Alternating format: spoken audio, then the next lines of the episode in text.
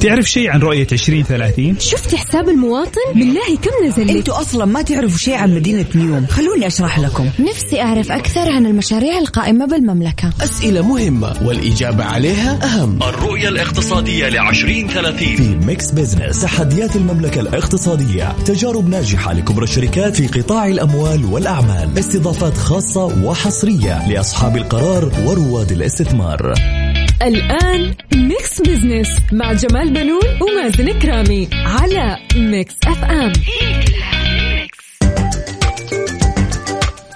أهلا ومرحبا بكم مستمعينا أنا جمال بنون أحييكم من ميكس اف ام وبرنامج ميكس بزنس أرحب بزميلي مازن كرامي الذي يشاركني التقديم. أهلا وسهلا فيك أستاذ جمال واهلا وسهلا في مستمعينا الكرام. في حلقة جديدة من برنامج ميكس بزنس هذا البرنامج اللي يأتيكم كل أسبوع في هذا التوقيت من الأح... كل يوم أحد عند الثانية وحتى الثالثة مساء نتناول القضايا الاقتصادية ونبسط رؤية 2030 بحيث تكون أسرع فهما وهضما. صحيح مازن. خلينا في البداية مازن يعني نبارك للبطل السعودي.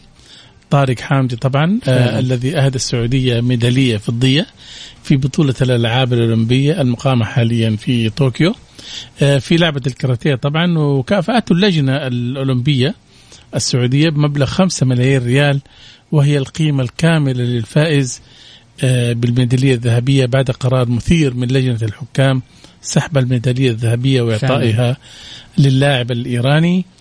طبعا آه، والقصة معروفة بس كل السعوديين تابعوا. صح فعلا يعني؟ أمس كل مكان بيتكلموا عليه يعني حتى وأنا جاي في الشارع شفت إعلان في الشارع مكتوب إنه للبطل طارق إنه أنت بطل في عيوننا ففعلا صار يعني ضجة كبيرة على هذا الموضوع وأعتقد مثل هذه الإنجازات إنجازات دولية يعني نفتخر بها وصراحه يعني طارق قدم عرض رائع ومميز يستحق يعني المكافأة صراحة الذهبية. هنالك أيضا العديد من اللاعبين السعوديين. المشاركين قدموا أداء رائع في مختلف الألعاب ولكن الحظ لم يحالفهم. طبعا المكافآت المالية تختلف آه، من دولة لدولة طبعا آه، مازن. وحتى الآن يعني أعلى قيمة للمكافأة قدمتها السعودية للحاصلين على ميداليات ذهبية وهي 5 ملايين ريال. يعني أكثر من مليون دولار طبعا مم. شايف؟ فعلا. بينما أندونيسيا وسنغافورة بتدفع أكثر من 700 ألف دولار للفائز بالميدالية. الذهبية. آه فتصور يعني إيش؟ آه هذا المبلغ آه اللاعبين الفائزين بيحصلوا عليه هذه مكافأة لهم طبعا. والسعودية تعتبر الآن هي أعلى قيمة مكافأة قدمتها يعني من بين دول العالم هي قدمت أعلى آه مكافأة للاعبينها طبعا ولاعبنا طارق. جميل جدا. صراحة أنا أشوف أنه يعني ما بتندفع كل هذه المبالغ الطائلة إلا أنه نبغى نعزز من تواجدنا ومشاركاتنا ويكون حافز لكل الأبطال اللي يعني ما فكروا قبل كذا في البطولة وبالاحتراف بشكل يعني كامل. لكن ممكن هذه المكافأة تكون حافز لهم بأنهم يشاركوا في السنوات المقبلة وتكون يعني مشاركة السعودية بعدد أكبر من اللاعبين. خاصة في الألعاب الفردية طبعا. هذه يعني كثير من الدول تهتم بها طبعا ويحققوا فيها ميداليات يعني إحنا شفنا الصين الصين والولايات المتحدة وروسيا كمان رغم انه روسيا بتلعب السنة هذه آه، ما في علم رسمي اترفع طبعا في آه، في المدينة الأولمبية أوكي عليها عقوبات. فبالتالي هي بت- بتلعب تحت مظلة علم يعني آه، باسم ثاني ولكن فازت كمان. بالأفراد نعم. مم. جميل جدا وأيضا كازاخستان وإيطاليا بيقدموا مكافآت للفائزين آه، 200 ألف دولار وبقية الدول منها أمريكا وألمانيا وروسيا تمنح الفائز بالميدالية الذهبية ما بين 60 ألف إلى 22 ألف دولار. صحيح لأنه الفائزين اللي عندهم كثير طبعا يعني شايف؟ مم. صعب انهم يدفعوا كل واحد مليون دولار. صحيح. وهم عندهم بال 60 و 70 شخص اللي بيفوزوا. فعلا شايف؟ وفي هناك ترى في من من الغرائب اللي أنا شفتها كمان آه، هناك دول تخصص مرتب شهري طبعا هذه. آه، مرتب شهري مدى الحياة. حلو الفائز ممتاز شايف وفي كمان أقول لك معلومة. إنه طبعا مكافآت الفوز ما هي طبعا أموال فقط. ولكن اللجنة المنظمة للأولمبياد لا تدفع أموال طبعا اللجنة أوكي. المنظمة. إنما تعطي الميداليات أوكي المكافآت تصرفها الدول أوكي شايف مم. بعض الدول تمنح لاعبيها أبقار. أوكي. من جد. وهذا كما حصل مع المجدفون من جنوب أفريقيا لما فازوا آه، بنهائي الوزن الخفيف في لندن عام 2012 حصل اللاعبين على كل واحد حصل على بقرة. تصدق كمكافاه والله يعني صراحة يعني تجرح المشاعر إن الواحد يشارك حسب ظروف. البلد. صح صح فعلا. يعني وبالنسبة لهم البقرة أكيد راح تكون يعني شيء ثمين بالنسبة لهم. فأكيد هم مبسوطين بهذه الجائزة ولا ما يعني خصصوها. صحيح. جميل جدا. أيضا الهندية آم، ميراباي تشانو حصلت على ترقية في وظيفتها بعد فوزها بالميدالية الفضية في رفع الأثقال وهي تعمل في هيئة في هيئة سكة الحديد الهندية ومكافأة مالية بقدر 350 ألف دولار وفي كوريا الجنوبية كمان المكافأة الغريبة هي أنه الفائزين بالميداليات الذهبية وخاصة الذكور بيحصلوا على إعفاء من الخدمة العسكرية آه خلاص اللي هو أنت مثلتنا فشكرا لك إيه على خلاص كذا. يعني طالما جبت الميدالية مم. فبالتالي إحنا يعني حنعفيك من الخدمة العسكرية كمكافأة أوكي؟ هذه كمكافأة اي كمكافأة يعني شايف صراحة يعني شكرا ل يعني السعودية والمكافأة اللي بتقدمها صراحة يعني مكافأة أقلها محفزة يعني إن الواحد ومشجع. للبقية يعني صح. هم يعني يقدموا عطاء جيد إن شاء الله فعلا. والحقيقة يعني اللاعبين اللي اشتركوا حاولوا إنهم يقدموا الحقيقة. فعلا. لكن عاد الدنيا حظوظ يعني طبعا. فعلا. تبقى الأولمبياد أحد أهم الميادين طبعا التي يتنافس فيها اللاعبون لحصد الإنجازات. مستمعينا الكرام نطلع لفاصل بسيط بعد متواصلين. لا تروح البعيد. Stay tuned. ميكس بزنس مع جمال بنون ومازن كرامي على ميكس اف ام هي كلها في الميكس. حياكم الله مستمعينا الكرام واهلا وسهلا في الجميع. أكيد مستمرين في برنامج ميكس بزنس وكالعادة في فقرة على السريع نستعرض أبرز الأحداث والأخبار الاقتصادية مع التعليق على بعضها. وفي فقرة حسبة ونسبة السؤال المطروح على مواقع التواصل الاجتماعي وحساب ميكس اف ام على تويتر. متى تقرر تقديم استقالتك من مقر عملك؟ حينما أجد البديل ولا عندما أجد مضايقات ولا لا توجد ترقيات ولا ما أعرف. طبعا يعني شوف آه، أنت عارف الآن يعني آه، تقديم الاستقالة أصبحت يعني كنوع من ال- المجازفة. امم صح ولا لا؟ فعلا. لأنه ال- البديل غير جاهز وغير مستقر.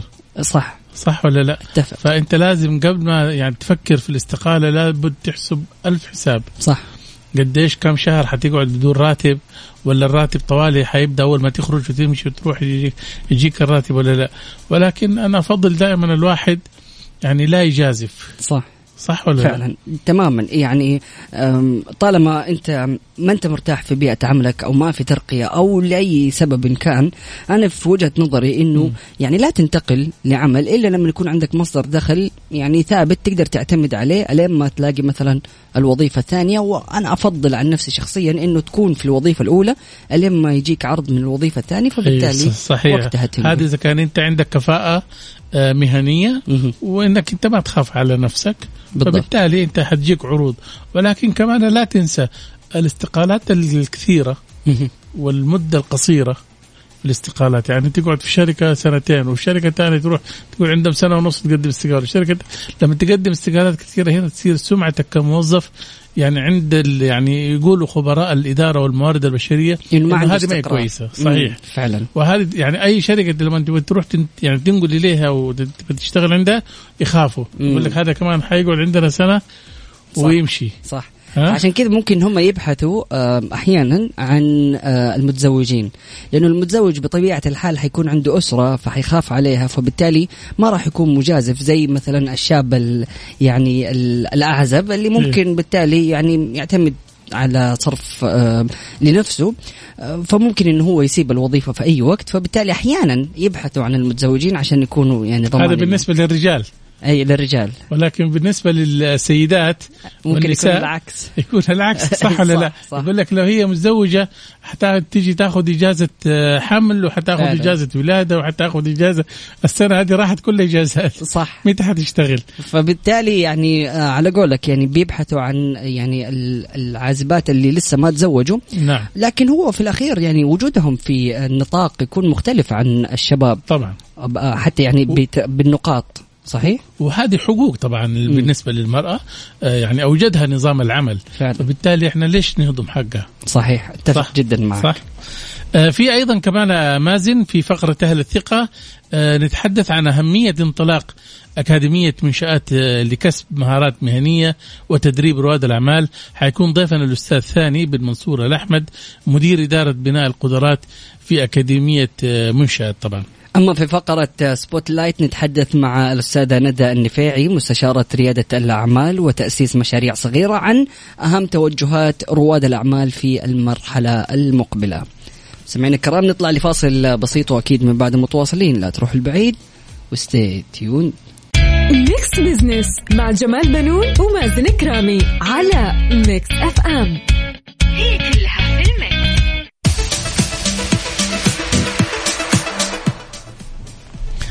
عدنا لكم من جديد مستمعينا في ميكس بزنس مع زميلي مازن كرامي أهلا مازن. أهلا وسهلا فيك أستاذ جمال.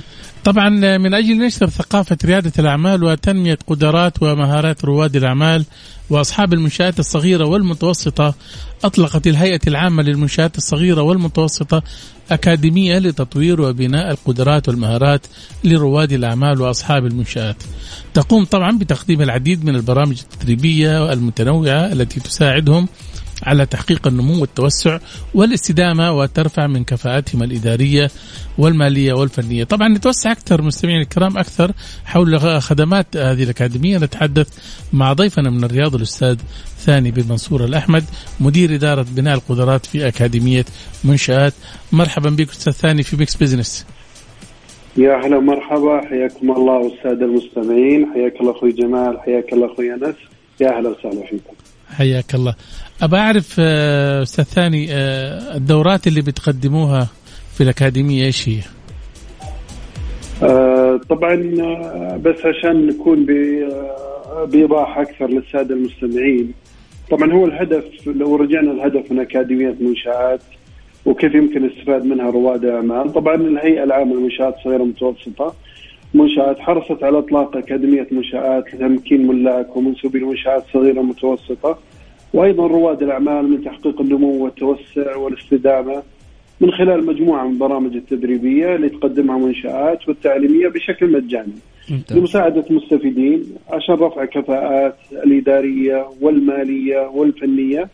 آه، يمكن لو سألتني السؤال وش المجالات اللي إحنا نقدمها اللي في أكاديمية منشآت مجالات عدة من ضمنها زي ما تفضلت قبل شوي المالية وإدارية وفنية والتخطيط الاستراتيجي وعدة مجالات أي مجال من شأنه يرفع قدرات المنشآت الصغيرة والمتوسطة إحنا نقدمها.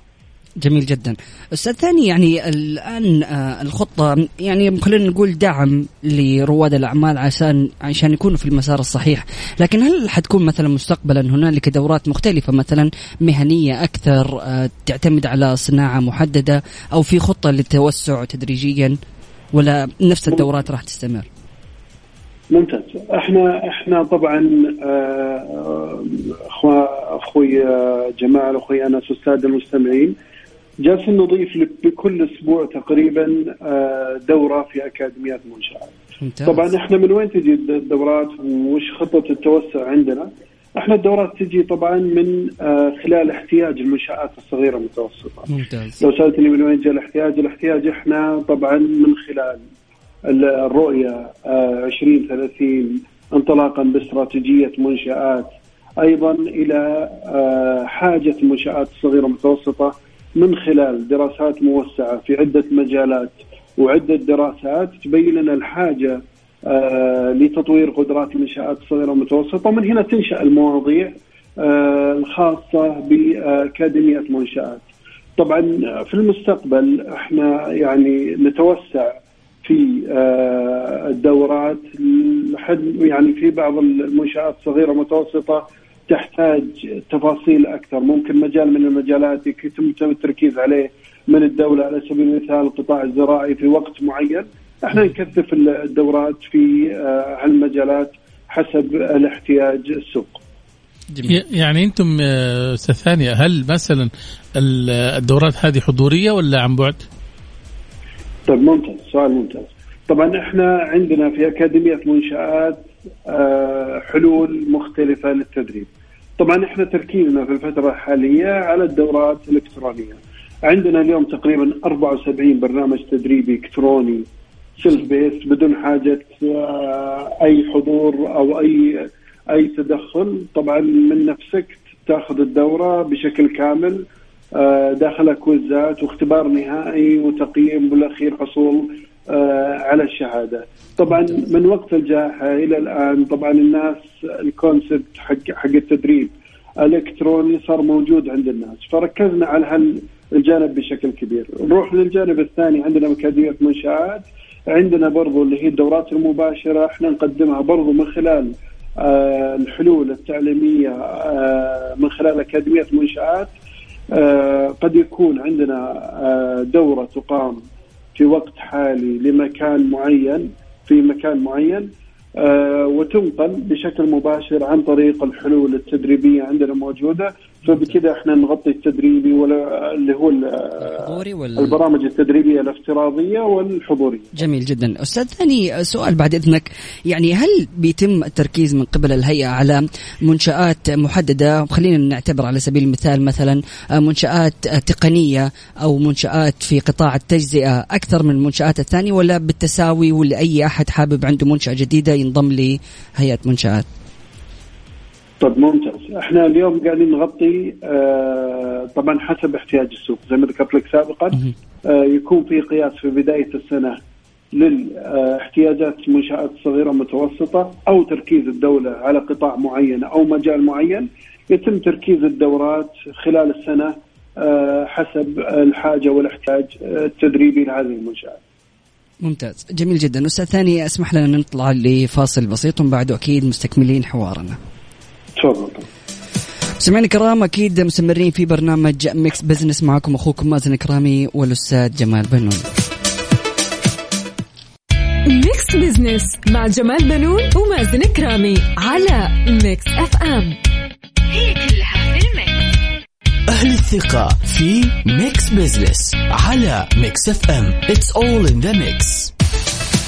حياكم الله مستمعينا الكرام واهلا وسهلا في الجميع. أكيد مستمرين في برنامج Mix Business معكم أخوكم مازن كرامي والأستاذ جمال بنون وأكيد نتشرف باستضافة الأستاذ ثاني بن منصور الأحمد مدير إدارة بناء القدرات في أكاديمية منشآت.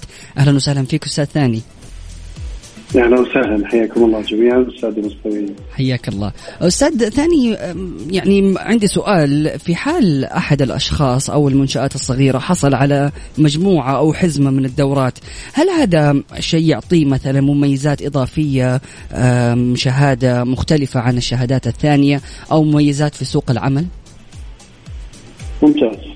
طبعا ما يخفى عليكم إحنا اليوم في الهيئة العامة للمنشآت الصغيرة والمتوسطة يعني هدفنا آه، يعني رفع المعرفة لدى رواد الأعمال من خلال البرامج اللي إحنا نقدمها. فحصوله على مجموعة أو حزم من الشهادات طبعا آه، يكون على علم ومعرفة آه، بعالم الأعمال. فهي فقط يعني يعني يعني تضيف له معرفة وعلم لكن يعني كتهيئة لحصوله مثلا على وظيفة معينة أو مكان معين آه أبدا. هي يكون على علم ومعرفة فقط. الشركة اللي حابة تستقطبه إذا ممكن تستفيد من مجموعة الشهادات هذه من العلم والمعرفة اللي عنده ممكن تضيف لهم ممكن يستقطبونه ممتاز جدا جميل. نعم. طيب أستاذ ثاني أنا بعرف المواضيع والمجالات اللي تقدمها أكاديمية منشآت إيش هي؟ آه، إحنا نقدم طبعا آه، في عدة مجالات في التخطيط في التطوير في التسويق في آه، مجالات أخرى. اليوم بإذن الله وغدا إن شاء الله بيتم إضافة لمادة للاسواق أو تنمية الأسواق. فإحنا في كل أسبوع جالسين نضيف وكل مجال من المجالات اللي إحنا نحس فيه احتياج. ممكن اليوم يجيني احتياج للمنشآت الصغيرة والمتوسطة على سبيل المثال آه، آه، أي أي شيء يفرض أو أي رسوم تفرض من الدولة أو أي مساعدات أو غيره من الدولة تفرض. إحنا اليوم ننزل في آه، دورة تدريبية تعريفية تشرح هذا الرسوم أو أي أو أي إضافات ممكن تنضاف. فإحنا المجال متجدد ودائم والمجالات عدة. يعني هل مثلا أنتم بتقدموا دورات في مجال التسويق الإلكتروني أو في تجارة العملات أو شيء زي كذا ولا ما عندكم؟ التسويق التجارة الإلكترونية عندنا مجموعة ثلاث برامج تدريبية عن التجارة الإلكترونية وراح نتوسع إن شاء الله بشكل أكبر لكن ما لها علاقة لا من بعيد ولا من قريب في آه، تجارة العملات الإلكترونية. جميل جدا. لكن لكن تبدأ ب آه، كيف أنا أتوسع الكترونيا والبيع الالكتروني ولها علاقة فقط بالتجارة الالكترونيه. جميل، أستاذ ثاني هل الدورات اللي بتقدم مجانية أم مدفوعة؟ طبعا آه، حاليا إحنا نقدم الدورات آه، بشكل آه، مجاني في في الهيئة العامة للمنشآت الصغيرة والمتوسطة. دورة إلكترونية الآن عندنا مجموعة دورات إلكترونية كبيرة كلها تقدم بشكل مجاني حاليا. جميل جدا. شيء جميل جدا الحقيقة أستاذ ثاني. طبعا أكاديمية منشآت هي مفتاح لمن يبحث عن النجاح. في ريادة الأعمال وفرصة لكل الشباب للاستفادة منها. طبعا انتهى وقتنا أستاذ ثاني. شكرا لمشاركتك معنا. من خلال منبركم بس تسمح لي مداخلة بسيطة اليوم بلغ عدد المسجلين آه، في أكاديمية المنشآت أكثر من 120 ألف. المستهدف السنوي عندنا 40 ألف سنويا ملاك المنشآت ورواد ورائدات الأعمال. إنهم ينضمون ويستفيدون من الدورات. وشكرا لكم ولبرنامجكم استضافتكم شكرا لك وللمعلومات القيمة اللي اللي اعطيتنا إياها. شكرا لك. يا أهلا وسهلا. مستمعينا طبعا كان معنا الأستاذ ثاني بن منصور الأحمد مدير إدارة بناء القدرات في أكاديمية منشآت من الرياض. استراحة لالتقاط الأنفاس ونعود لكم. Mix Business مع جمال بنون ومازن كرامي على Mix FM هي كلها في ال Mix. أهل الثقة في Mix Business على Mix FM It's all in the mix. Spotlight في Mix Business على Mix FM It's all in the mix. أهلا وسهلا فيكم مستمعينا الكرام في Mix Business أكيد مستمرين، كل النجاحات تبدأ من خطوة وقد تولد الخطوة الأولى والثابتة الناجحة بعد أكثر من تعثر، وفي ريادة الأعمال مهم أنك تحسب الخطوة وما تستعجل حتى ما تتعثر. نتحدث عن توجهات رواد الأعمال في المرحلة المقبلة مع ضيفتنا الأستاذة ندى النفيعي مستشارة ريادة أعمال وتأسيس مشاريع صغيرة، أهلا وسهلا فيك أستاذة ندى. أهلا وسهلا حياك الله. الله يحفظك. أستاذ ندى يعني خليني أسألك السؤال الأول يعني نتكلم عن المشاريع الريادية. هل غالبا المشاريع الريادية تكون سلسة في بداياتها ولا بتواجه صعوبات؟ آه، في البداية يواجه رواد الأعمال العديد من التحديات عند تأسيس مشاريعهم الجديدة. فمثل ظهور يعني بعض المشاكل الإدارية التسويقية المالية وغيرها.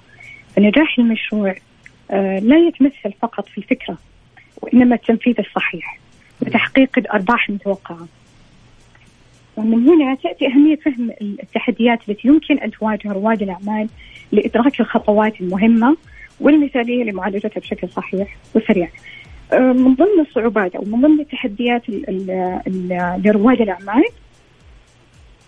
آه، التحديات المالية التخطيط الاستراتيجي للمشروع آه، عدم توافر كوادر بشرية مؤهلة صعوبة في تسويق المنتج العلامة التجارية عدم العثور على مستشار أو مرشد للمشروع ممتاز. يعني في كثير من الصعوبات التحديات تواجه أصحاب المشاريع. نعم صحيح. آه، طيب أستاذ ندى أنا بعرف يعني اليوم هل في عندنا رواد أعمال بياخذ ورقة وقلم قبل ما يسوي مشروع بيقعد كده يخطط يسوي ويرسم ها يفكر؟ ولا بس أول ما شاف الفلوس راح اشترى البضاعة واستأجر محل وسوى إيش بالضبط اللي بيصير؟ آه صحيح في بعض أصحاب المشاريع للأسف أو يعني مجرد ما تكون عنده فكرة آه يبدأ ينفذها بشكل سريع بدون ما يمشي بخطوات أو ممكن آه ينفذها عن طريق الدراسة فقط بدون ما يمشي على خطط تشغيلية وخطط تسويقيه مثلا. آه، ففي جهات آه، تدعم أصحاب المشاريع آه، تقدم تسهيلات بالنسبة للمشاريع الصغيرة والمتوسطه لمشاركتها في الناتج المحلي الإجمالي. جميل جدا. استاذه ندى يعني خليني بس كذا استفسار سريع. الآن أنا كرائد أعمال دوبي داخل في المجال كنت موظف وحبيت إني أنا أدخل في هذا المجال. أحس إنه الطبيعي بالنسبة لشخص لسه ما عنده معرفة إنه حيبدأ من أول خيط قدامه. فمثلا خلينا نقول إنه جاب بضاعة حصل يعني مدخل لإنه هو يس يعني يستورد بضاعة وبعد كذا يبدأ المشروع. وبعدها تبدأ الخطوات خطوة بخطوة يبحث عن ال ال يعني ال الخدمات اللوجستية يبحث بعد كذا عن التسويق يبحث بعد كذا عن الموارد البشرية. ما حس ما تحس انها المفروض تكون سلسلة ولا إنه لازم يبدأ هو عارف كل هذه الخطوات؟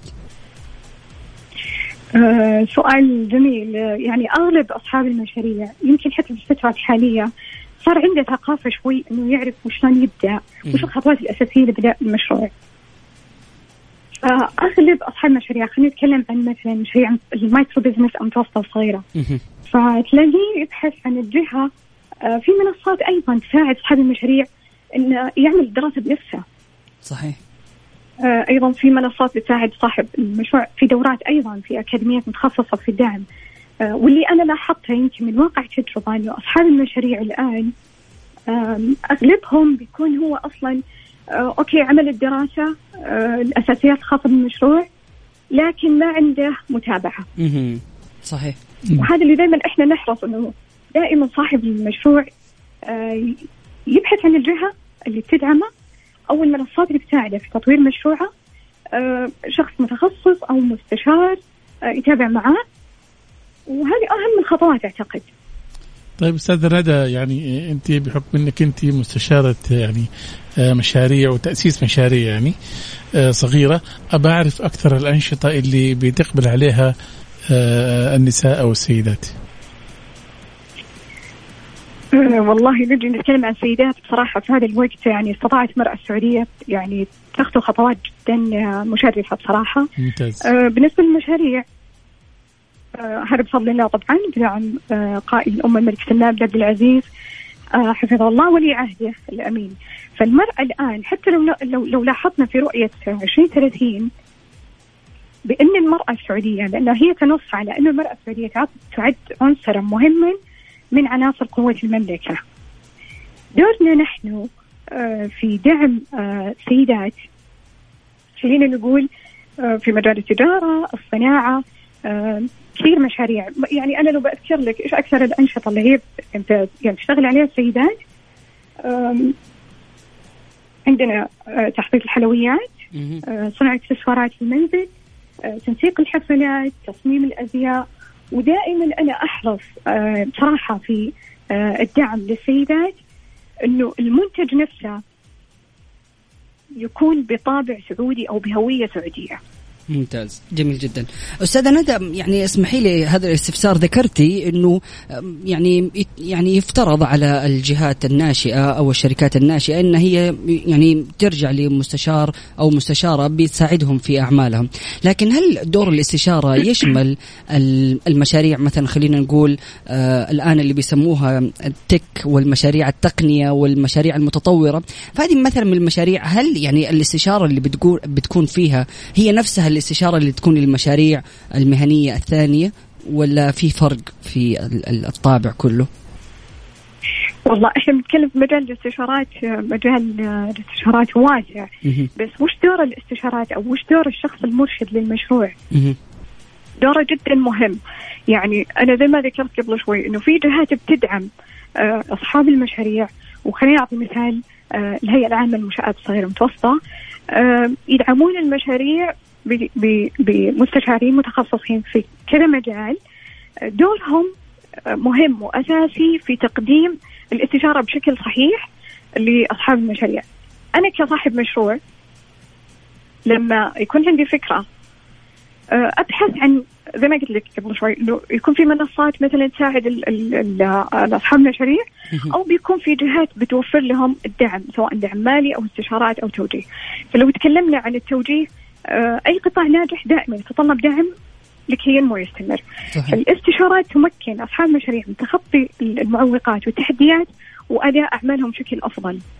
يعني يوجد حتى مرشدين متخصصين في جميع مجالات الأعمال جميل لما يكون عندي مشروع أتوجه لجهة معينة تساعدني المرشد معاه من اي تو زد يعني بداية مشروعه إلى إلى إلى ما خلاص يتيح له المجال إنه يدخل السوق ويبدأ في مرحلة النمو.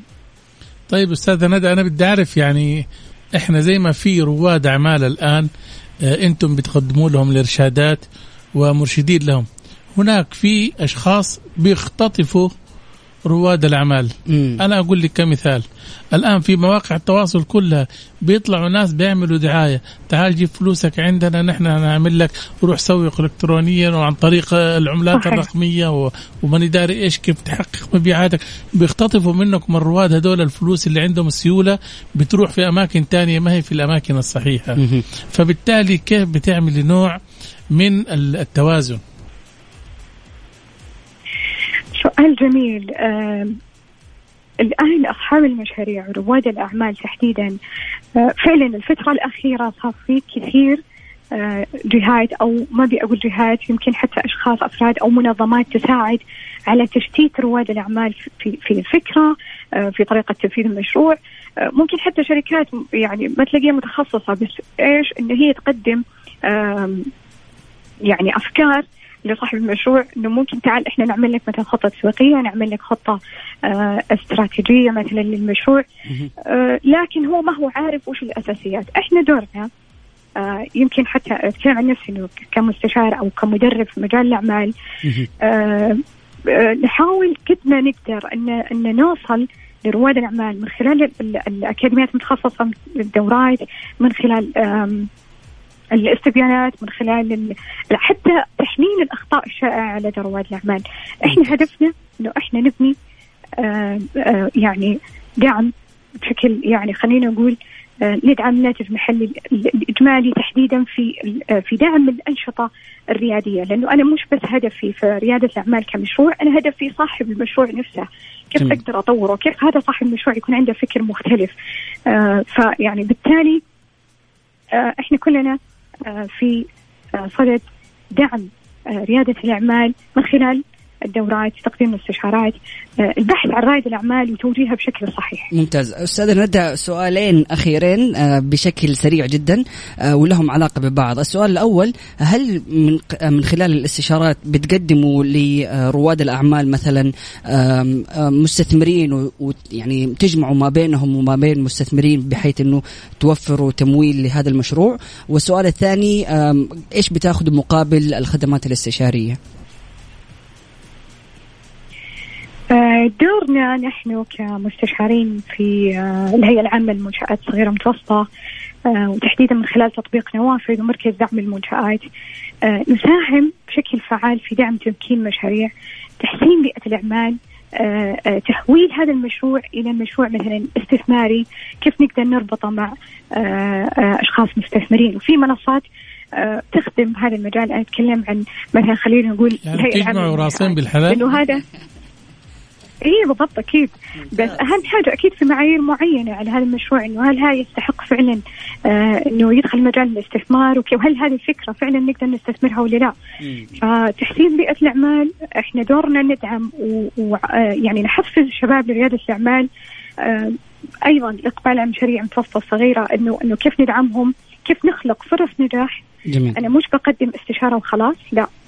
أنا ألمس إنه هذا الشخص هل فعلا هو آه آه يعني ريادي آه عنده طموح عنده رؤية. جميل جدا. للمشروع آه الفكرة مختلفة ممكن إحنا نقدر ندعمها. واعتقد هذا اهم أهم شيء يعني في دعم اصحاب المشاريع. جميل جدا. أستاذة ندى يعني بس السؤال الأخير مقابل هذه الاستشارات إيش بتأخذوا بشكل سريع وموجز؟ هي كلها تسهيلات مقدمة من الهيئة العامة للمنشآت آم، بدون مقابل. يعني أصلا موجود هناك مركز دعم المنشآت. لأي شخص عنده فكرة أو خلينا نقول مشروع على أرض الواقع آه، يبحث عن جهة تدعمه أو توفر له آه، خلينا تسهيلات آه، تمويل آه، توجيه استشارات دورات. آه، هذه كلها موجودة آه، ولو لو بحث آه، رائد الأعمال خلينا نقول آه، بشكل مفصل وش اللي يفيده يعني دائما أقول خليك على وعي بالسوق وش قاعد يصير من أنظمة وتشريعات وغيرها. ممتاز، جميل جدا أستاذة ندى أشكرك صراحة على يعني تجاوبك معنا وشكرا لتواجدك شكرا جزيلا لك الاستاذه ندى النفيعي مستشارة ريادة أعمال وتأسيس مشاريع صغيرة يعطيك ألف عافية. شكرا. سمعنا الكرام نطلع لفاصل سريع ومن بعد متواصلين. Mix Business مع جمال بنون ومازن كرامي على Mix FM هي كلها في ال Mix. نسبة وحسبة في Mix Business على Mix FM It's all in the mix حياكم الله مستمعينا الكرام واهلا وسهلا في الجميع. وصلنا لفقرة حسبة ونسبة. هذه الفقرة صراحة جميلة جدا بمشاركاتكم وتفاعلكم والإحصائيات اللي بتجينا. سؤالنا اليوم متى تقرر تقديم استقالتك من مقر عملك؟ الخيار الأول وهو اللي جايب أعلى في التصويت 55% حينما أجد البديل و6% وهو الأقل عندما أجد مضايقات 17% عندما لا توجد ترقيات و22% ما هم عارفين. صحيح. واضح إنه في وعي عند الموظفين صحيح. إنه هو ما يتحرك لما يجد البديل. فعلا. شايف؟ هذا شيء كويس. وهذا النص النسبة النص يعني اللي صحيح. صحيح. وكمان يعني أظن شوف النسبة ضئيلة جدا حينما يجد مضايقات وهذا زي ما تقول إيش؟ في يعني في في, آه، في عند خبراء الموارد البشرية إنك أنت تشتغل تحت ضغط العمل. فعلا. شايف؟ يعني الآن الشباب صاروا يعني يشتغل ليه لا؟ صح صح. ما يتضايق منه. أيوه يتحمل. فهذه يعني حاجة كويسة. بعدين في كمان في أسباب كثيرة الحقيقة خبراء الموارد البشرية قالوا أهم الأسباب اللي هي وجود فرصة أخرى جذابة آه، تتناسب مع قيمة مع قيمة الموظف وأهدافه وأولوياته المهنية طبعا سواء لأسباب مالية أو تطويرية أو غيره وذلك بما يتناسب مع خطته المهنية طبعا. جميل جدا. أكيد هنالك أسباب عديدة ممكن يستغني من خلالها الموظف على العمل ويبحث عن عمل ثاني.